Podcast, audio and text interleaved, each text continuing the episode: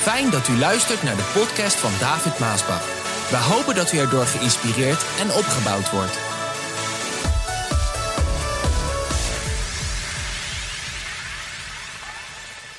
Het was 1997, dus dat is alweer een tijdje terug. Misschien sommigen waren nog niet eens geboren die nu kijken. Maar 1997, van de vorige eeuw, dat klinkt altijd heel erg ver weg, alsof je heel erg oud bent, maar zo is het nou eenmaal. En ik vierde mijn 38ste verjaardag. Ik had het werk van uh, papa Maasbach in die zin al overgenomen dat ik was ingezegend in 1993 na die hele grote splitsing die wij ook hebben meegemaakt. Heel triest. En ik vierde mijn 38e verjaardag en ik was beneden in het restaurant van ons zendingskantoor. Ik vierde het met de medewerkers en uh, familie natuurlijk. En papa Maasbach, die was al een aantal maanden niet meer uit huis gegaan. En uh, ik, ik, wist dat hij, ik wist dat God bezig was om hem thuis te halen. Dat hij daarmee bezig was.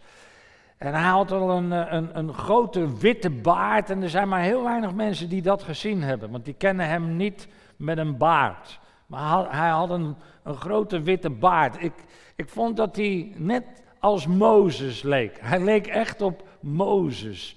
Stralende ogen, witte baard. En hij was dus niet uit huis geweest en ik vierde mijn verjaardag.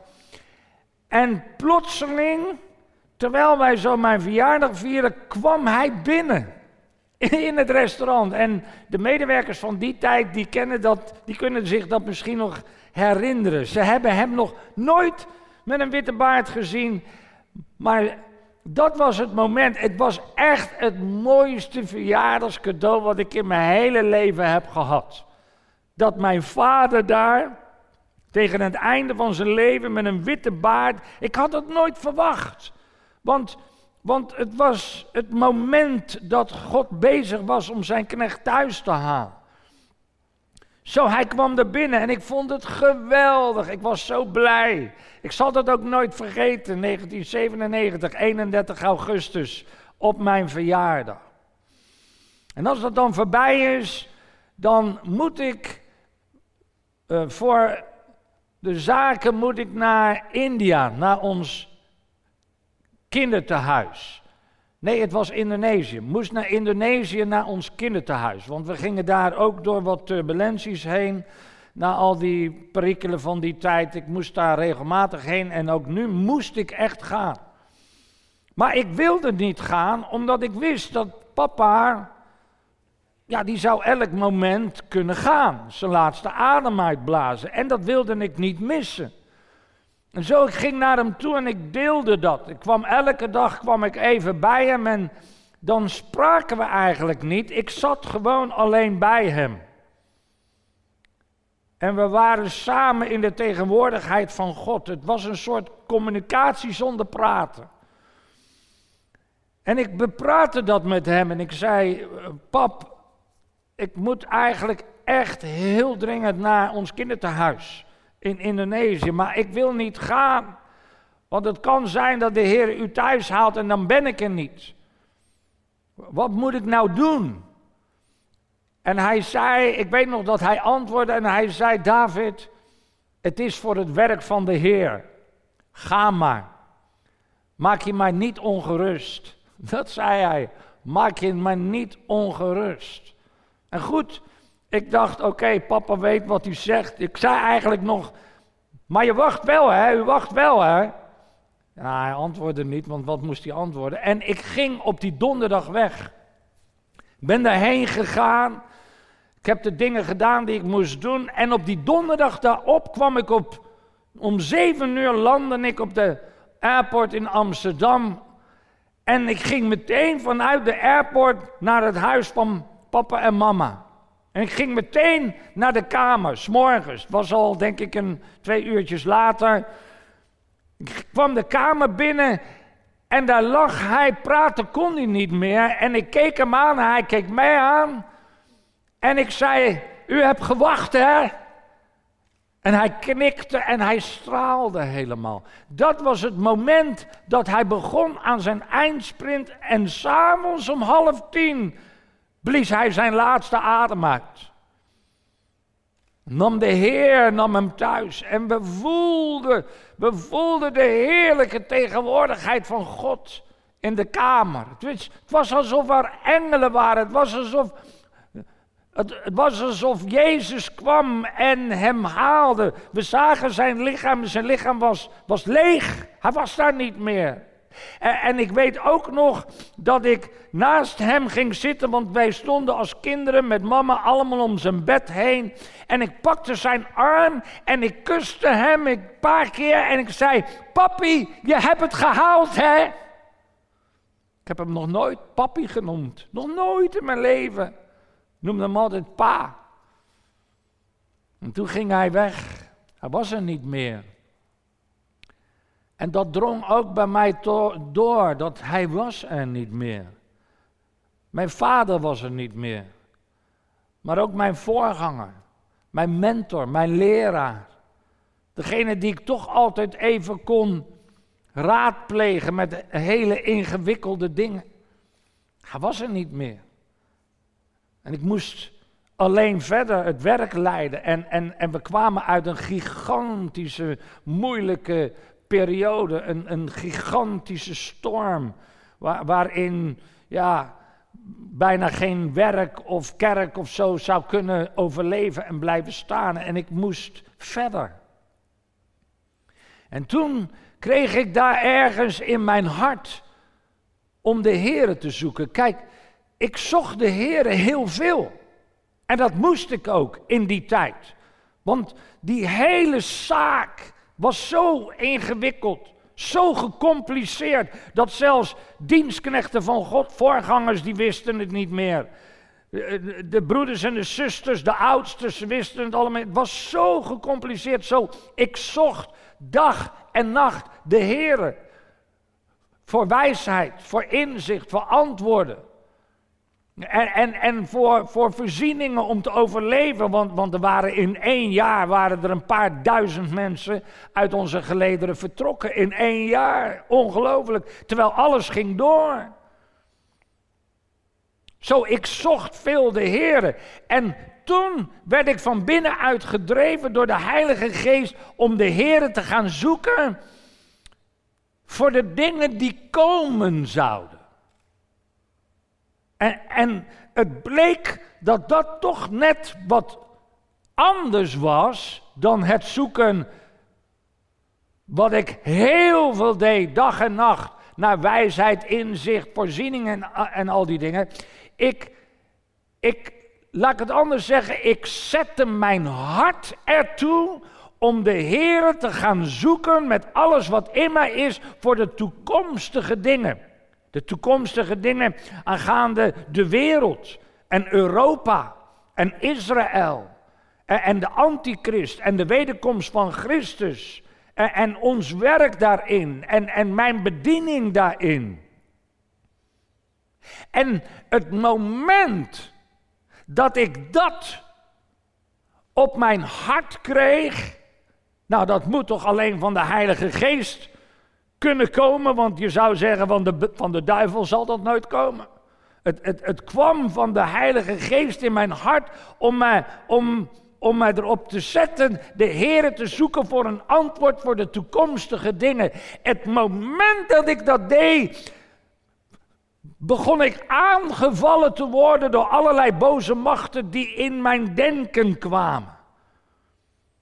Oh, het was vreselijk, die, die, die, die gedachten, die, die aanvallen, die boze aanvallen, waarvan je gewoon voelt en weet, dit is, dit is van de boze. Dit is niet van God, dit komt niet van mensen, dit komt, dit komt van de afgrond, dit komt van de boze. Het komt continu in je denken, allerlei rare, gemene, donkere, duistere, sinistere gedachten. Die dan, waar je niet van los kan komen. En ik moest in dezelfde tijd gewoon eh, het werk leiden. En, doorgaan met de bediening die de Heer me had gegeven. En die aanvallen die werden zo hevig en ik verzette me daartegen. Eh, zoals jullie dat ook gewoon gewend zijn om te doen in de naam van Jezus. Ga weg van mij, boze machten. Natuurlijk, dat doen we allemaal, dat deed ik ook en ik deed het constant. Maar die aanvallen die bleven maar gaan. Het was een oorlog binnenin mij. Het was een hevige, geweldige strijd. Het was zelfs zo erg dat, dat, dat je dat kon voelen. Thuis, Regina die zei op een gegeven moment tegen mij: David, je hebt een rotgeest en je brengt het in het huis. Ja, zij zat natuurlijk met de kinderen. En ik zat in een strijd. Ik kwam in zo'n strijd terecht, wat in mijn binnenste afspeelde. Het was een verschrikkelijke tijd. En, en, ja, weet je, het was nieuw voor mij. De, een strijd op dit niveau, en ik heb heel wat strijd geleverd, dat kan ik je wel vertellen. Met alle toestanden die in de jaren, begin jaren negentig te, tevoorschijn kwamen. Met allemaal toch echt ook boze machten die, die alles stuk wilden maken. Ik heb heel wat strijd geleverd. Maar dit was nieuw. Want, want die strijd waarmee ik te maken had. Ook met de splitsingen en, en, al die toestanden en mensen en veel leugens, heel veel leugens in die tijd. Ook in de kranten en, en het kwam allemaal af, niet van de wereld, het kwam af van mijn broeders en mijn zusters notabene. Die strijd, die speelde zich allemaal buiten mij af. Kijk, en dat is een heel groot verschil, dat er een strijd buiten je afspeelt, waar je tegen strijdt. Maar deze strijd was nieuw, want die speelde in mij af, binnenin mij. Dus, dus eigenlijk die, die, die strijd in de hemelse gewesten, die speelde niet buiten nu alleen af, maar die kwam binnen in mij. Dat, dat was nieuw voor mij. Want nu moest ik in, in mijzelf tegen de boze machten strijden. En ik begreep het dus allemaal niet. Het was nieuw, dus ik begreep het allemaal niet. Ik wist ook niet precies wat er allemaal zich afspeelde. En oh, wat was ik vaak op mijn kantoor. Dan knielde ik weer neer bij het altaar of ik lag lang uit met mijn neus op de vloer en ik riep tot de Heer. Oh, oh, oh, oh, oh, wat een, wat een aanvallen van de boze. En allemaal zo nieuw. Ik begreep het allemaal niet wat er gaande was, hoe diep die strijd was, hoe groot die strijd was. En eigenlijk alleen maar omdat ik mijn hart erop had gezet om de Heer te zoeken voor een antwoord voor de toekomst. En toen, ik had altijd wel muziek aan. Ik weet dat ik heel veel naar Jimmy Zwaggart heb geluisterd in die dagen. Oh, wat kan die man zo prachtig gezalfd zingen. Het gaf zo'n rust als ik naar hem luisterde. En ik had een, uh, ja, die heb ik nog steeds, een uh, kanarietje, zo'n kleintje, die heet Caleb. Die heb ik Caleb genoemd. genoemd. En dan nam hij weer zijn badje en de muziek ging af en dan was ik stil weer voor de Heer. En dan, sloeg ik mijn Bijbel weer open en ging de psalmen weer lezen. En zo elke nacht zocht ik de Heer. En overdags moest ik natuurlijk gewoon het werk leiden.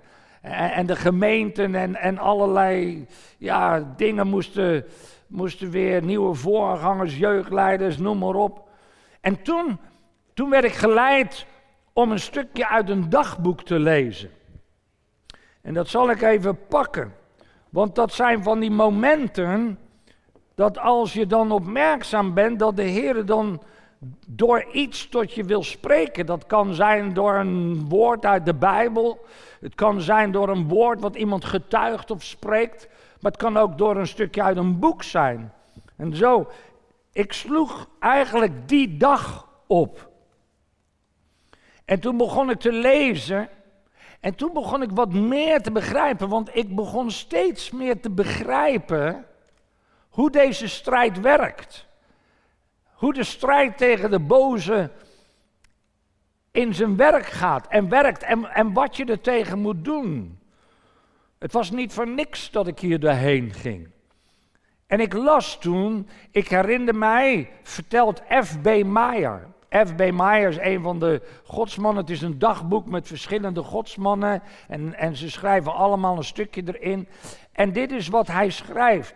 Ik herinner mij dat ik eens, zegt F.B. Meyer, terugkerend uit de Verenigde Staten naar Engeland over de oceaan, mijn longen vol ozon kreeg. En toen ik in Engeland arriveerde, ging ik bij een paar goede vrienden logeren die midden in de natuur woonden, niet ver van de zee.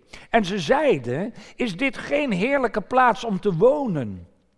Toen ik echter naar buiten stapte, bespeurde ik een heel ongezonde, bedorven lucht.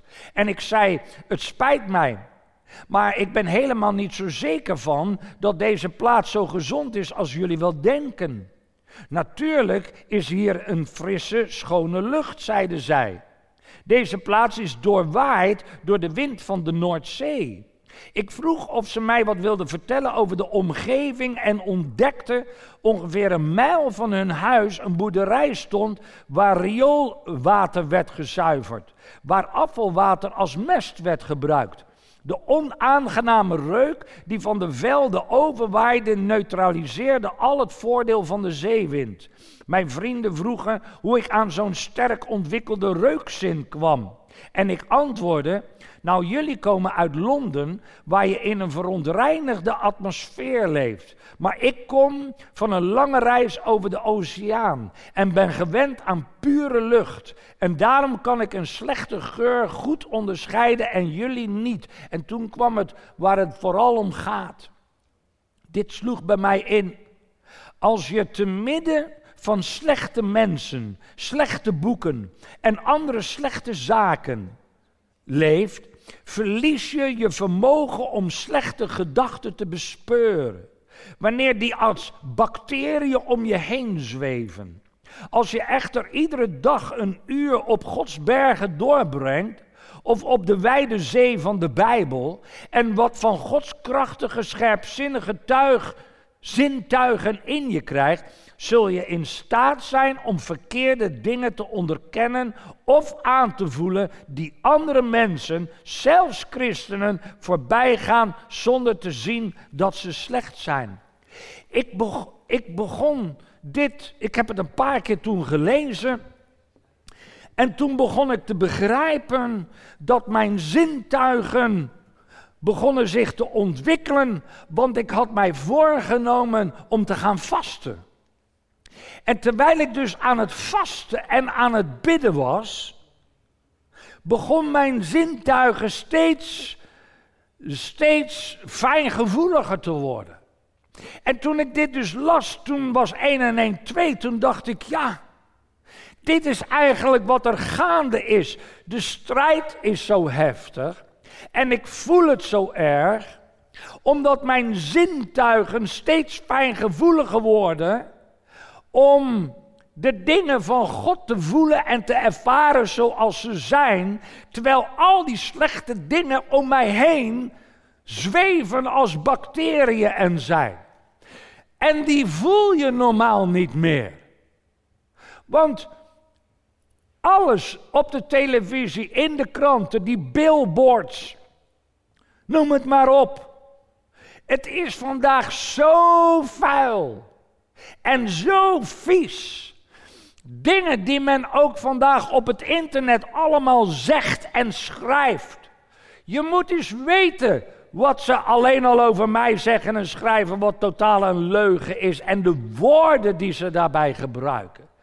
Het is verschrikkelijk hoe mensen vandaag buiten God leven. En als jij je dus toewijdt en je heiligt en je bent aan het vasten en bidden. En je komt steeds meer in de heilige tegenwoordigheid van God. Dan worden al die andere boze dingen, die vuile dingen, worden steeds vuiler. En dat gaat steeds meer botsen. En dat is eigenlijk wat er bij mij aan de hand was. Dat is waarin ik terecht kwam. Ik, ik werd steeds meer geheiligd door de Heilige Geest, door mijn vaste bidden en dichter bij God komen, dat ik steeds meer alles Wat tot mij kwam, wat niet rein was, dat begon ik steeds meer af te stoten. En laat ik u vertellen, dat is heel wat. Al die dingen die komen dan door je fijngevoelige zintuigen komen honderd keer zo hard binnen. Eén vuil woord komt honderd keer zo hard binnen dat je je rilt ervan. Je vindt het zo vies, zo vuil. Alleen wij merken dat vandaag haast niet meer. Want wij leven in een vieze, vuile wereld. En dit is het grote probleem van de kerk. Dit is precies dat verhaal van Simpson. De haren zijn afgeschoren, de kracht is weg uit de kerk en de meeste christenen. Dat men leeft vandaag in een vieze, vuile wereld. En je raakt er zo gewend aan.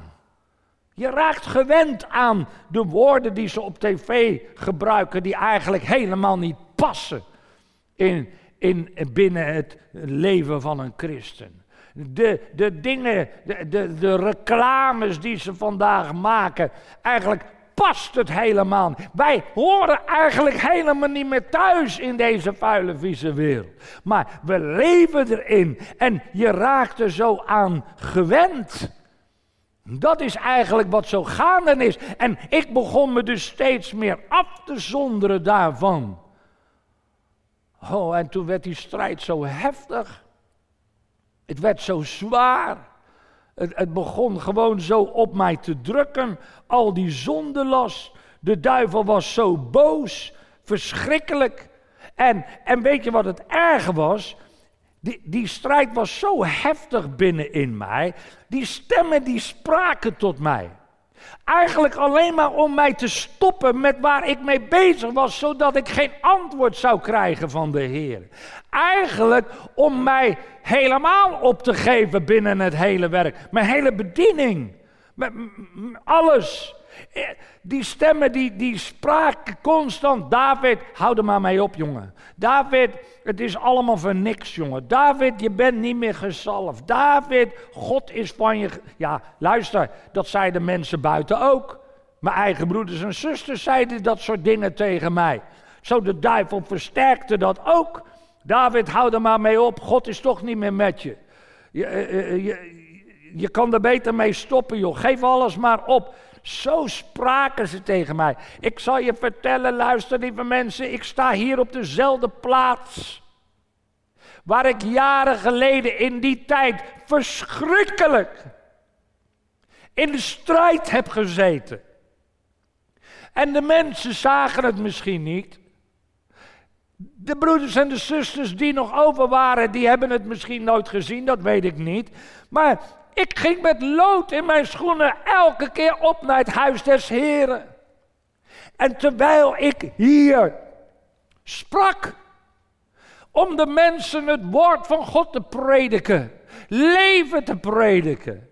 Ik heb die plaats nooit gebruikt om terug te vechten en te slaan naar mijn broeders en naar mijn zusters die allerlei kwaad hebben gesproken en geschreven. Ze hebben het allemaal gedaan.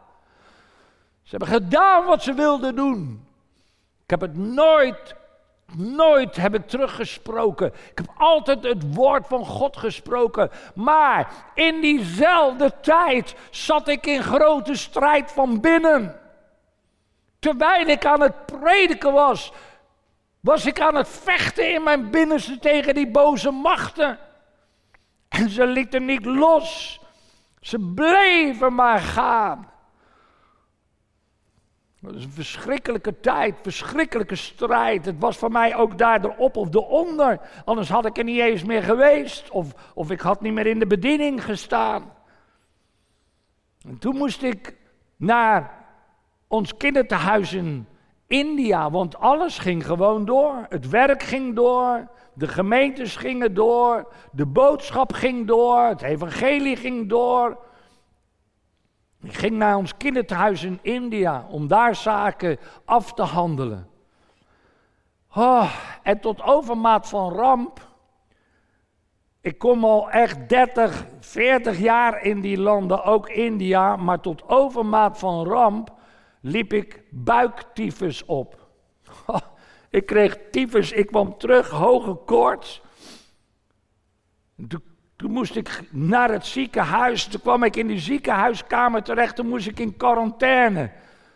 Ja, dat is vandaag een woord die we allemaal wel kennen, quarantaine. Oh, wat was ik ziek in mijn lichaam. Ik kon het licht ook niet verdragen. Ik moest zo'n zwart kapje voor ogen. Ik lag de hele dag met zwart kapje voor mijn ogen. S'avonds kon die dan af als het donker was. Veel bezoek kon ik niet krijgen en daar lag ik in quarantaine met tyfus. En in mijn lichaam, ik voelde me als een vaatdoek. En de geestelijke strijd, dat ik, ik wist helemaal niet meer wat er gaande was. Want wat was nou die geestelijke strijd en wat was nou het probleem met mijn lichamelijke ziekte? Ja, kijk, ik deel dit, ik maak het niet mooier zoals het is, omdat er kijken vandaag ook mensen die het ook moeilijk hebben. En misschien ga jij door een fase in je leven heen dat je het ook niet meer ziet zitten. Dat je geen hulp hebt van buitenaf. Wie moet je helpen? Je staat er alleen voor. Nou, ik ben er doorheen gegaan en niet voor niks. Ik begrijp het. En weet je wat nog mooier is? Jezus is door al die dingen heen gegaan. Daarom zegt Hebreeën, we hebben een hoge priester die kan meevoelen met al onze zwakheden. Want hij heeft het allemaal meegemaakt. Zo lag ik daar in quarantaine, in de strijd. Ik sliep met mijn hand op de Bijbel die op het nachtkastje lag. En ik streed. Na verloop van tijd kon ik naar huis. En ik was weer thuis. Toen ik thuis was, toen ik thuis was, toen vroeg Regina, die vroeg David weer wat eten, want we zouden naar de bidstond gaan. De, we hebben altijd met de medewerkers hebben wij middagbidstond waarin wij jou voorbeden en noden tot de troon van God brengen. En Regina zegt, wil je wat eten? Ik zeg, nou nee, ik blijf even liggen. En toen ik daar zo lag en het huis was stil, iedereen was weg. Kinderen waren naar school, Regina was naar het zendingskantoor. Toen huilde ik. Ik huilde en ik bad en ik zei: Heer, ik kan niet meer. Ik kan niet meer. Heb jij dat wel eens gezegd, misschien in moeilijke fases in je leven tegen God. Oh God, ik kan niet meer. Ik kan niet meer. Eigenlijk ben je dan gewoon op, weet je wel. Je kan niet meer. Je hebt alles gedaan wat je moest doen. Je leest de Bijbel, je dient de Heer. Want kijk, dat is wat ik deed. Ik diende de Heer, ik volgde de Heer. Ik weet dat sommigen misschien, net als die vrienden van Job, zouden zeggen: Ja, maar David, dat komt dat er een hoop dingen fout zit. Dat was het allemaal niet. Job zegt: U weet het. Het was begonnen toen ik mijn hart erop had gezegd.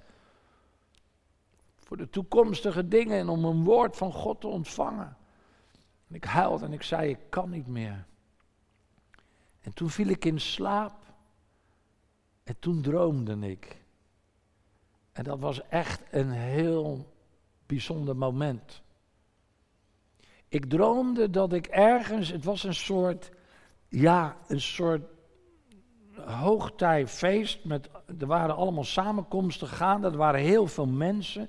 Die liepen overal en zo'n soort geroezemoes, weet je wel. Als, je, als de samenkomst gaande is en er wordt gepredikt, en, en, er zijn een hele hoop mensen, dan heb je een soort geroezemoes. Ik ken het zo, ik heb het zo vaak meegemaakt. Als je dan in de hal loopt, dan heb je een soort geroezemoes. En, en, de, en de samenkomst is gaande. En toen droomde ik dat ik tegen een soort muurtje. Ik zat tegen een soort. voor een muurtje, zo een beetje zo.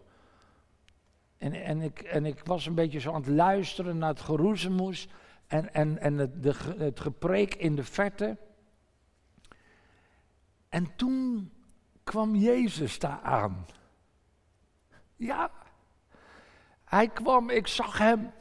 Ik zag echt Jezus. Vraag me niet hoe hij eruit ziet. Ik zag zijn gezicht, maar ik kan niet, niet uitleggen hoe die eruit ziet. Hij, hij, het, het was vriendelijk, hij was vriendelijk, had een heel vriendelijk gezicht en hij kwam en hij ging eigenlijk, hij kwam naar mij toe, maar zou me voorbij gaan.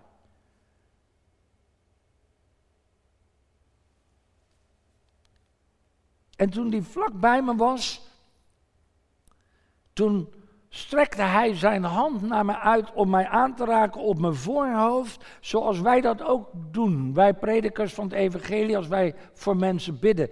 En ik weet nog dat ik, ik ging terug naar een muurtje zo om, om, om, om te kijken hoe hij zijn hand uitstrekte. En toen wachtte hij voor mij met zijn hand, totdat ik weer naar voren ging. En toen legde hij zijn hand op mij, hij raakte mij aan en met een hele kalme stem, een lieflijke, vriendelijke, kalme, warme stem, zei hij: Word vervuld met de Heilige Geest.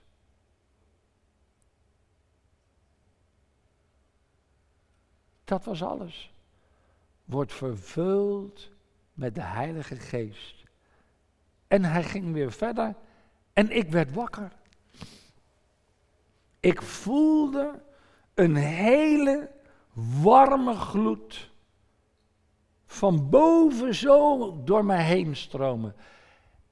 Ik wist, ik voelde, ik wist, Jezus heeft mij aangeraakt. Jezus heeft mij aangeraakt. Ik werd zo blij. Ik was zo dankbaar. Jezus heeft mij aangeraakt. Ik was blij, ik was dankbaar. En we zouden naar de bidstond gaan. En ik ging naar de bidstond. En men was aan het zingen, zoals we vandaag ook deden. En ik begon mee te loven en te prijzen. En ik was zo blij. Het was zo'n heerlijk gevoel. Jezus heeft me, ik voelde mij aangeraakt. Maar het rare was dat die boze machten waren er nog steeds. En de stemmen van die boze machten die waren eigenlijk gedraaid naar, zij waren nu heel intimiderend. Ze spraken anders. Het was nog heftiger. het was nog heftiger. Heel intimiderend. Boos. Bozig. Bozig. En ik begreep hier niks van. Ik dacht, hoe kan dat nou? Elke keer zei ik ook, Jezus heeft me aangeraakt, Jezus heeft me aangeraakt. En ik begreep het niet. Als Jezus me heeft aangeraakt, waarom heb ik dan nog last van die boze machten? Waarom, waarom heb ik überhaupt, waarom zijn ze er nog?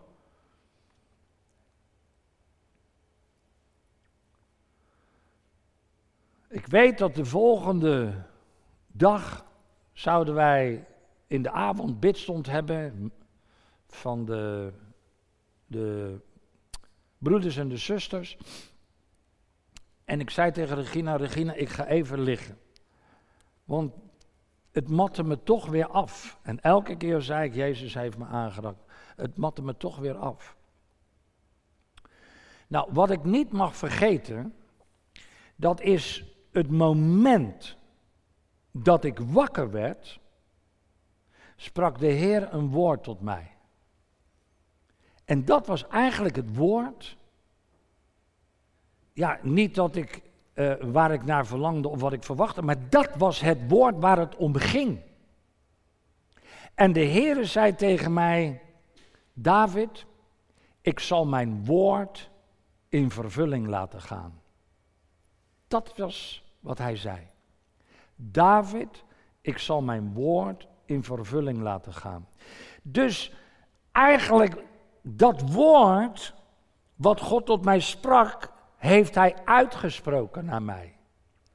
Ik zal mijn woord in vervulling laten gaan. Daarom weet ik ook met alles wat er in de afgelopen jaren gaande is, ook vandaag, dat is omdat God zijn woord in vervulling laat gaan. Luister, lieve mensen, de Bijbel geeft het antwoord op alle vragen en omstandigheden. En ik weet gewoon en kan elke keer zeggen: God laat zijn woord in vervulling gaan. Alle dingen die zijn uitgesproken door Gods geest en staan in het woord van God, de Bijbel, zal in vervulling gaan. Het zal gebeuren. Ook de woorden die hij sprak, dat hij de heelmeester is. Dat hij genezing zal brengen. Dat hij je niet zal begeven, niet zal verlaten tot de voleinding van de wereld. Al die woorden die gaan in vervulling, maar ook de dingen van de eindtijd. Dat is waar wij vandaag in leven. De dingen van de eindtijd zijn vandaag gaande en ik weet gewoon 100% zeker dat is vanwege dat God zijn woord in vervulling laat gaan. Nou, en ik weet ook dat het voor ons persoonlijk is, voor het zendingswerk, voor de gemeente, de blessing gemeente. God laat zijn woord in vervulling gaan. This will be the best year ever. Ook dat gaat in vervulling. Hoe David? Het ziet er niet naar uit, jongen. Dit is heel slecht wat er nu gebeurt. Ik zou het niet weten. God gaat het draaien en dit wordt het beste jaar ooit. Maar goed, ik had last van die machten, ik was er nog niet vanaf. En die strijd duurde al twee jaar. Hallo. Twee jaar waar ik nu over spreek. Hè? Van het begin tot waar ik nu ben. Twee jaar. Sommige strijd gaat niet zomaar voorbij, lieve mensen.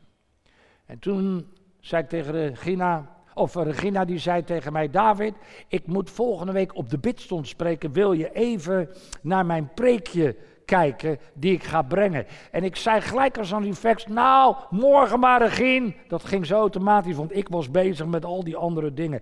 En de geest God zei tegen mij, nee David, nu. En meteen luisterde ik en zei, nou Regina, dan nu maar even, toch maar even snel. zo ging dat. En ik nam haar preekje. Kan je nagaan hoe dat bij je kan komen, hè? Gods wegen zijn echt ondergrondelijk. En ik las haar preekje over koning Jozefat. Daar ging zij over spreken. En over koning Jozefat staat dat hij in zo'n enorme tegenstand kwam. Wat hij niet wist, dat hij zegt: Heer, ik weet niet wat ik moet doen. Nou, dat was precies mijn positie. Heer, ik weet niet wat ik moet doen. U hebt mij aangeraakt. Ik zit nog steeds met die boze machten. Hoe kom ik hiervan af? En toen las ik wat God tegen hem zei. De woorden uit 2 Kronieken 20, vers 15. En toen ik dat las, toen was het letterlijk dat God dat tegen mij sprak. Wat hij tegen Jozef wat zei, zei God tegen mij. David, wees niet bang. Laat de angst voor dit grote leger je niet verlammen. Want dit is niet jouw strijd, maar het is mijn strijd. Ik zal je vertellen, mensen, twee jaar lang geworsteld, gestreden, verschrikkelijk. Al die dingen gebeurd. Het moment dat God deze woorden sprak, David, laat je niet verlammen door dit grote leger. Met andere woorden, door al die boze machten. Laat je niet verlammen. Dit is niet jouw strijd, maar het is mijn strijd. Het moment dat God dat tegen mij zei, viel alles van mij af. Alles viel als een deken van mij af. Ik was helemaal vrij daarvan. Helemaal vrij van al die machten. Ik was zelfs nog bang dat die machten maar niet terug zouden komen. Zo bang was ik op dat moment dat ik dacht, ach, als ze maar niet weer terugkomen. Ze zijn nooit meer teruggekomen. Heerlijk. Die avond ging ik de Heere God loven en prijzen. Vier uur s'nachts zei ik, Heer, ik moet nu echt gaan slapen. Ik heb geslapen als een roos. En, en dat doe ik trouwens elke nacht. Heerlijk. de strijd was voorbij. Mijn zware strijd was voorbij. Terwijl het niet mijn strijd was, het was zijn strijd. En ik heb het woord van God. Ik zal mijn woord in vervulling laten gaan. Nou, tot besluit. Ik wil Regina vragen om even bij mij te komen. Heb je een microfoon? Want mensen, in het kort wil ik Regina vragen. Kom er maar bij. Ja, terwijl mag, mogen jullie ook opkomen. En ik wou jou vragen, Regina. Ik hoop dat je het niet erg vindt dat ik je dit vraag. Maar jij hebt ook zo'n soort strijd in jouw leven meegemaakt. En ik wou jou vragen, deel iets ervan. Het was eh, denk ik zo uh, acht, negen jaar geleden dat het werk weer een beetje door een stormachtige tijd heen ging. En ehm, uh, ja, ik, ik zie natuurlijk, ik, ik, ik, moet mijn, ik steun mijn man met alle liefde op alle manieren en wijzen.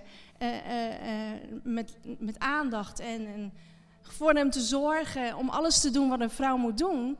Maar dit keer dacht de boze waarschijnlijk, kijk als ik zijn vrouw nou even pak, dan raakt dat hem. En als ik hem raak, dan raakt dat het werk. Die boze die denkt dat het werk van een man is. Hij is er nog steeds niet achter, want het is een werk van God. Maar hij probeerde het bij mij.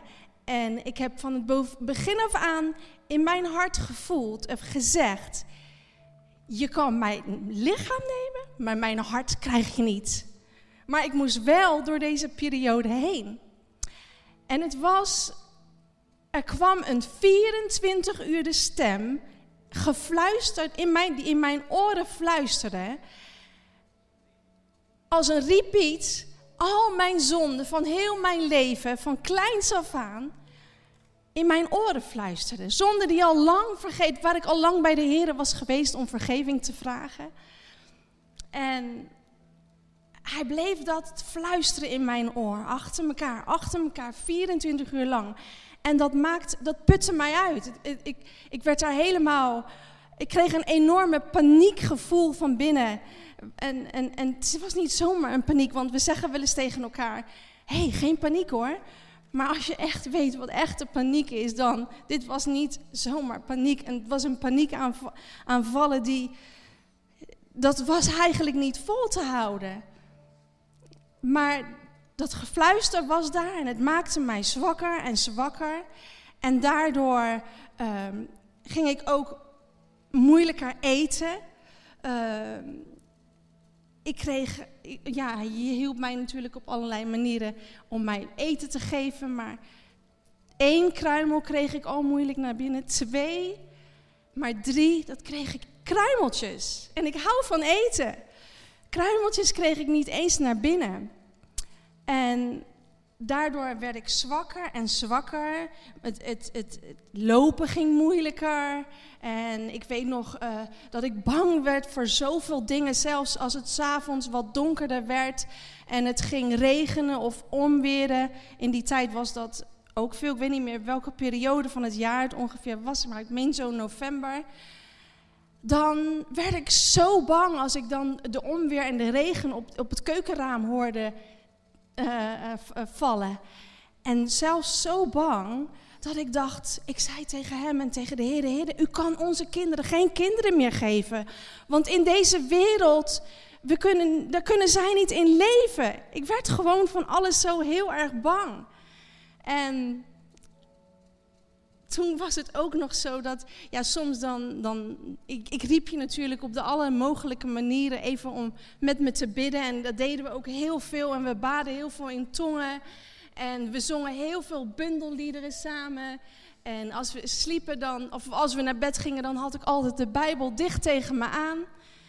En uh, ik weet nog, ik, ik, ging dus steeds moeilijker lopen, maar je, je zei een keer tegen mij, ging we gaan even een ommetje maken en we gaan met de tram. En het lopen ging moeilijk, maar ik hield zijn arm vast.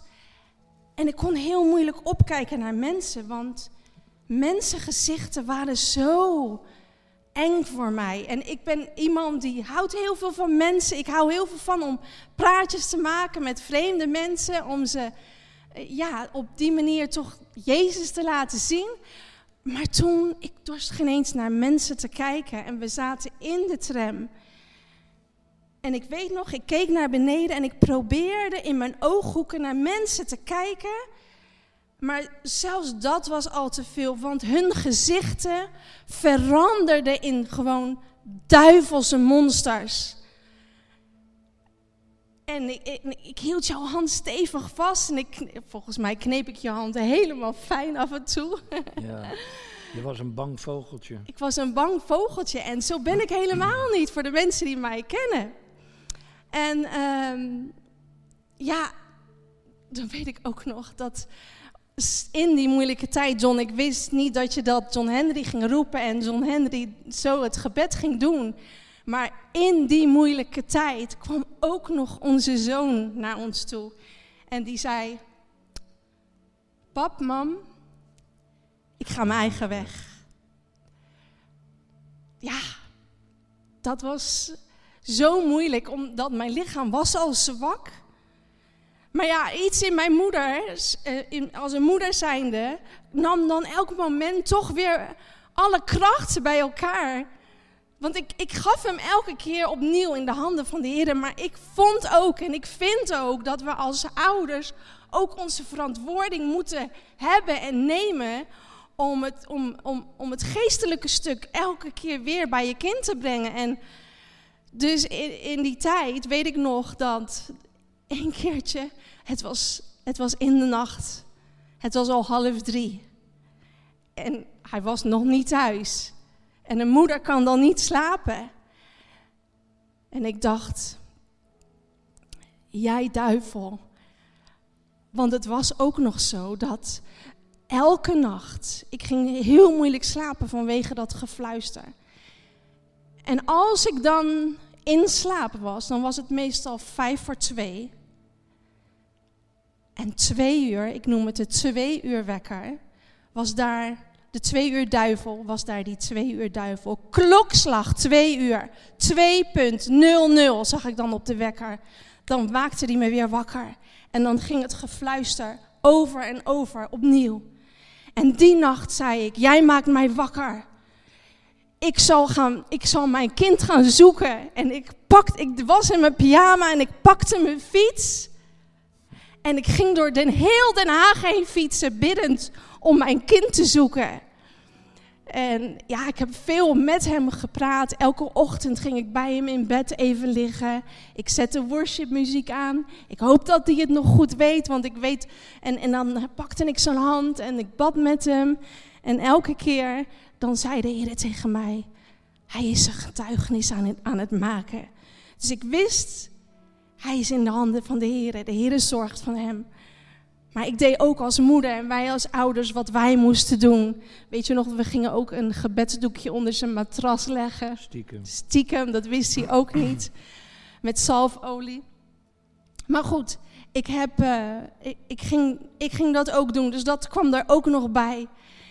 En die tijd op een gegeven moment, ik, ik, ik wist ook niet meer wat ik moest doen en wat ik, uh, wat ik nog kon doen. En ik zei ook tegen de Heer, Heer, ik wil u aanraken. Want ik wist dat als ik hem aanraakte, dan zou hij mij genezen. Ik, ik ben altijd iemand, ik vind het fijn om iets te zien als er iets uitgelegd wordt. Of, dus ik zei, Heer, ik wil u aanraken. En op dat moment, het was hier in Capitol, want ik had tegen de Heer gezegd, ik zal naar alle samenkomsten gaan. Ook al is het nog zo moeilijk om daar voor mij te zijn, want die duivels die gingen dan in mijn hoofd als tekeer als een gek. Maar ik was daar op de eerste rij en ik zei, Heer, ik wil u aanraken. En op dat moment, als een flits, kwam er in mij de bloedvloeiende vrouw.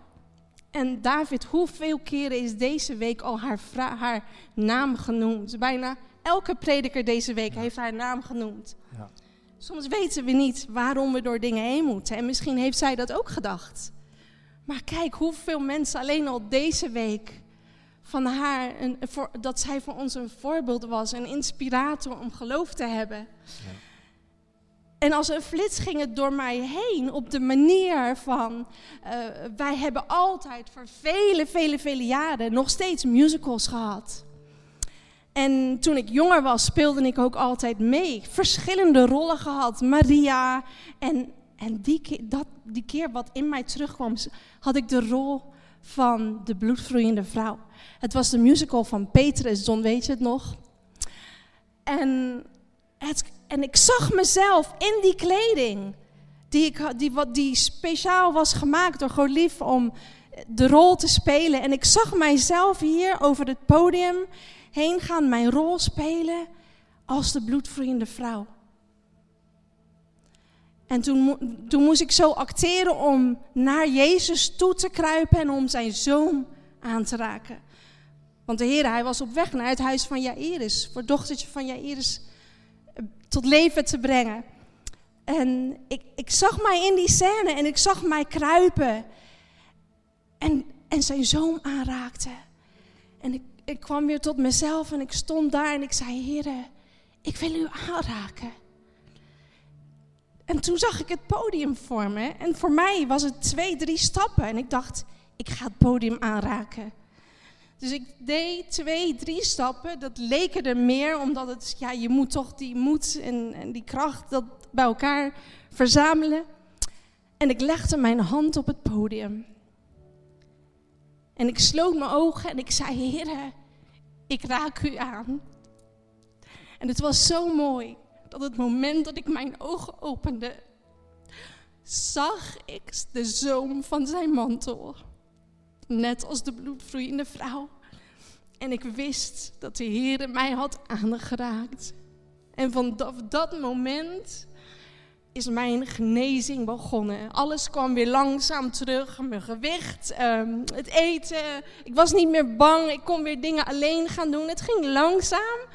Nou, eigenlijk toch best wel snel, maar voor mensen vindt altijd alles langzaam gaan. Maar de Heere had mij aangeraakt en mij voorkomen hersteld. Ja, mooi. Nou, dat kan je wel zien ook. en je reist nu ook alleen. Je reist nu ook alleen uh, naar onze blessingkerken over de wereld. En de kinderen. Je bent ambassadrice van Oasis, dat je reist naar de kinderen. Je bemoedigt ze allemaal.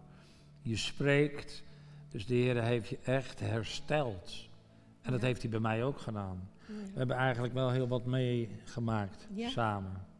Al meer dan 30 jaar. Maar we zijn wel geblest. Alle kinderen dienen de Heer. De kleinkinderen die uh, beginnen in lijn te komen om de Heer te dienen. Amen. Ah, ja. En we hebben toch een heel grote wolk van getuigen om ons heen. Ja. Allemaal broeders en zusters, allemaal new Jenners. Ja.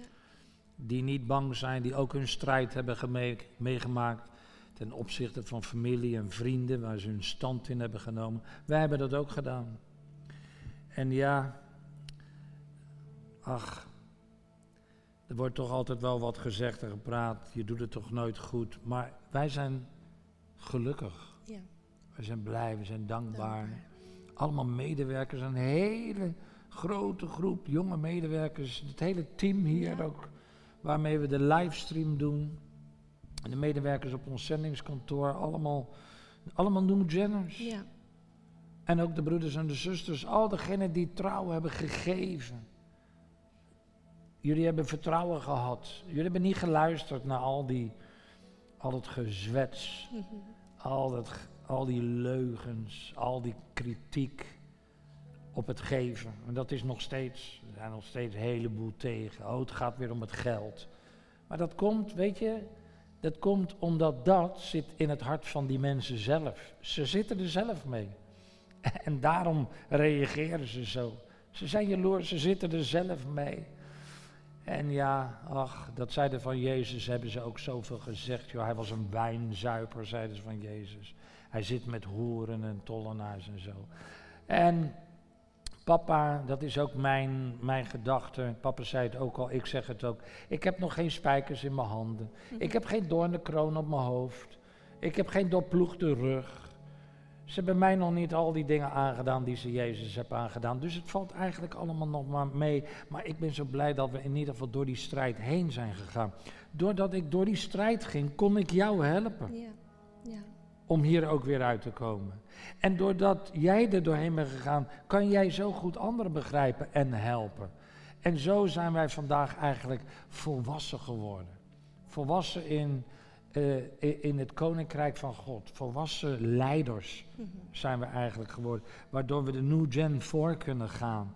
En wij weten wat het allemaal is en betekent en inhoudt. We weten ook hoe we eruit komen. En we weten ook wat we moeten doen.